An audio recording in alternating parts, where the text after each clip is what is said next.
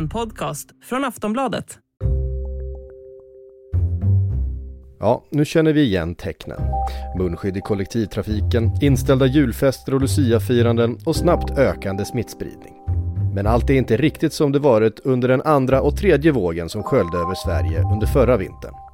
Den höga vaccinationsgraden i samhället håller nere beläggningarna på sjukhusen och även om ökningen av antalet smittade är procentuellt hög så kommer vi från extremt låga nivåer. En annan sak som skiljer sig från förra året är att flera av våra grannländer just nu upplever de högsta nivåerna av antalet insjuknade som de upplevt under hela pandemin. Nivåer som till och med passerade topparna vi haft här i Sverige.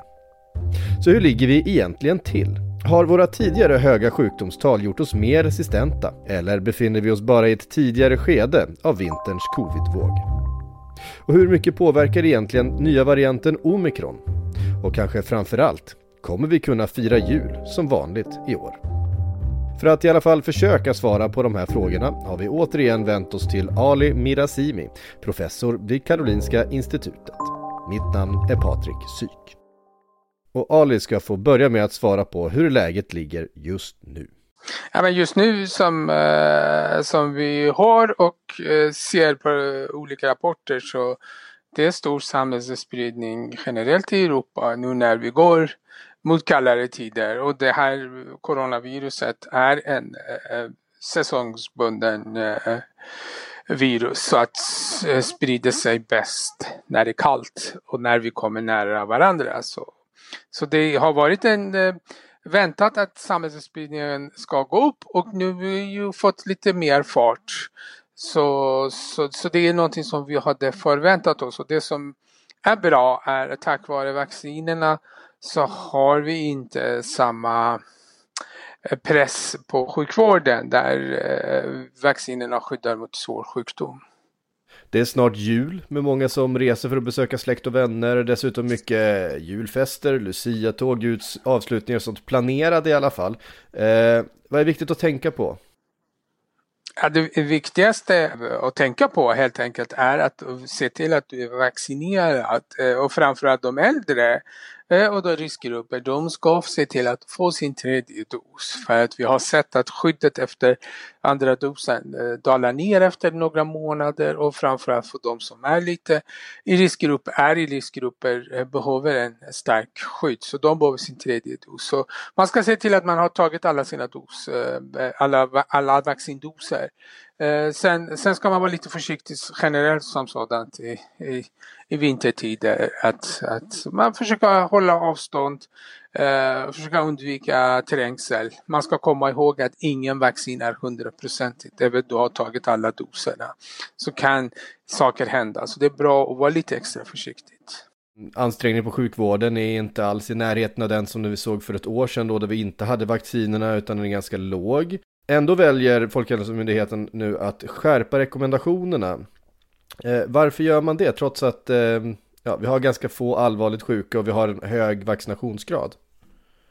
Ja, nej men det, skälet till detta är att eh, det är flera saker. Först och främst, vi ser en samhällsspridning. Även fortfarande läget, eh, eh, vi går från låga tal uppåt och läget är någorlunda okej okay vid sjukvården. Men eh, man vill vara lite försiktig så att inte komma igång sent. Det ena. Det andra är ju att eh, nu har vi en ny variant som är spridd i samhället, omikron, där vi inte känner och kan så mycket om viruset.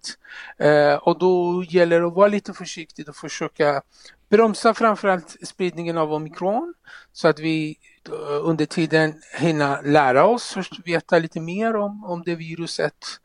Eh, och sen eh, igen, eh, vi går i vintertider, det är bra generellt att försöka eh, stoppa virusspridning både för corona och andra virus helt enkelt. Mm. Ja, omikron som sagt, det pratade vi en del om förra gången också, då visste vi väldigt lite. Eh, har vi lärt oss något mer under de här senaste veckorna om, om omikron och hur det beter sig? Alltså, eh, den typen av kunskap tar lite längre tid för att kunna svara på men det kommer mer och mer data där i alla fall eh, om jag tittar i Sydafrika så ser man att viruset i alla fall är inte farligare. Eh, även det finns vissa rapporter som pekar på att det kanske är lite mildare till och med. Sen vi ser att viruset sprider sig i Sydafrika, så med stor sannolikhet är, är en väldigt smittsam virus. Men vi vet inte hur pass mycket. Så där fortfarande forskas på. Sen har det kommit nya rapporter där man har tittat på antikroppar från vaccinerade och man ser helt enkelt att eh, antikroppar tappar aktivitet mot, mot omikron. Men inte så illa som man befarade. Eh, man trodde att de skulle tappa väldigt mycket, i stort sett kanske allt. Men så är inte fallet. Fortfarande vissa antikroppar binder. Men man har sett att eh, man behöver mycket antikroppar, därför vikten av eh, dos 3. Omikron ja. Ja, än så länge rör det sig bara om 16 fall av varianten i Sverige och ännu vet vi ganska lite. Något vi däremot vet lite mer om är hur vaccinering skyddar mot smittspridning. Enligt en ny amerikansk studie handlar det om så mycket som 30% av tiden den infekterade är smittsam. Vi hör Ali Mirazimi igen som får berätta mer om den studien. Alltså det vi vet är helt enkelt att um, de har jämfört uh, flera olika grupper där det var vaccinerade och ovaccinerade. Man tittat på delta och man tittat på andra varianter. Och sen vad man funnit är att eh, den vaccinerade producerar lika mycket virus. Alltså man ska komma ihåg att inte alla vaccinerade blir smittade. Utan de som blir smittade kommer att producera nästan lika mycket virus som en ovaccinerad men under en mycket kortare tid.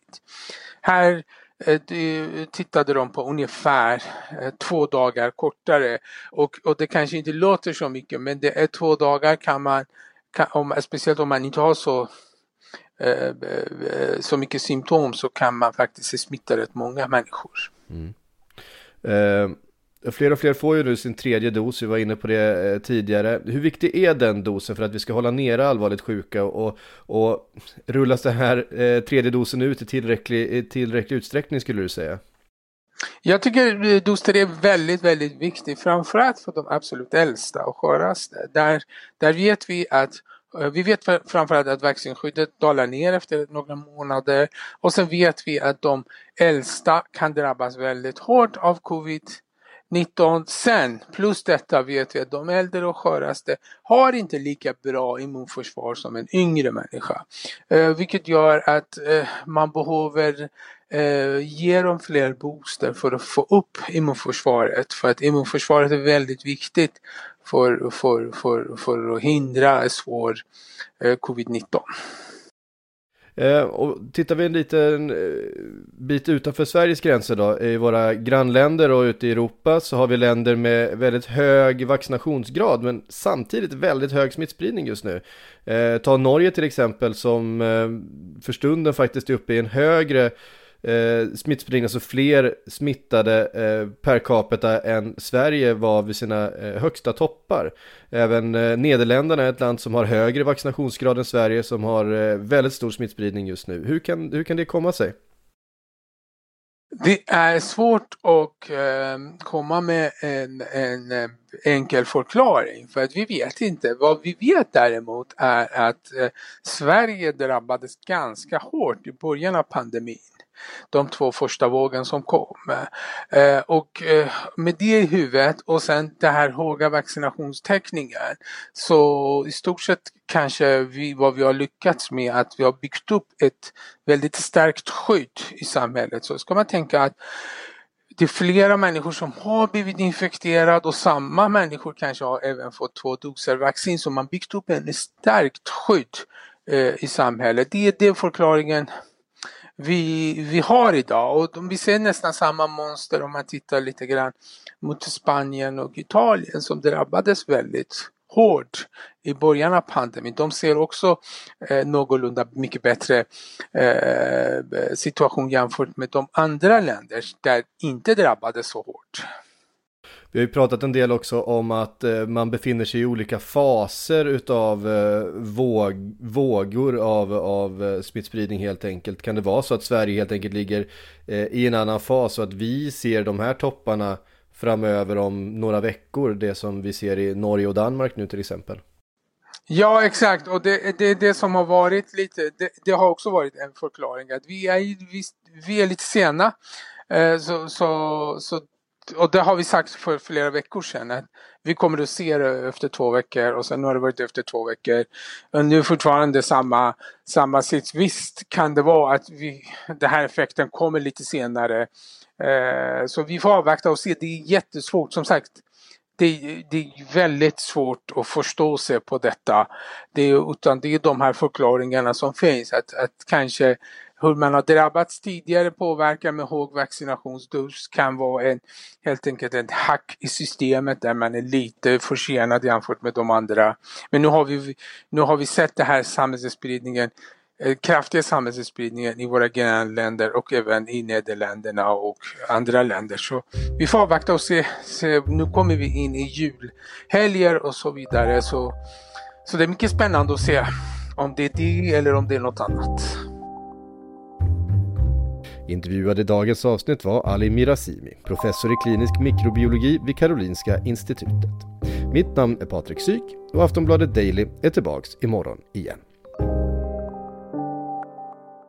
Du har lyssnat på en podcast från Aftonbladet. Ansvarig utgivare är Lena K Samuelsson.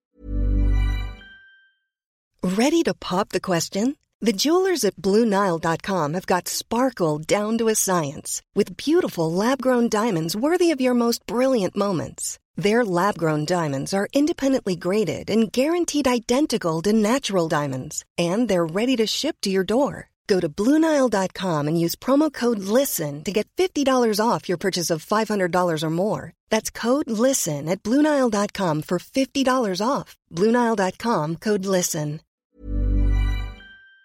morgon.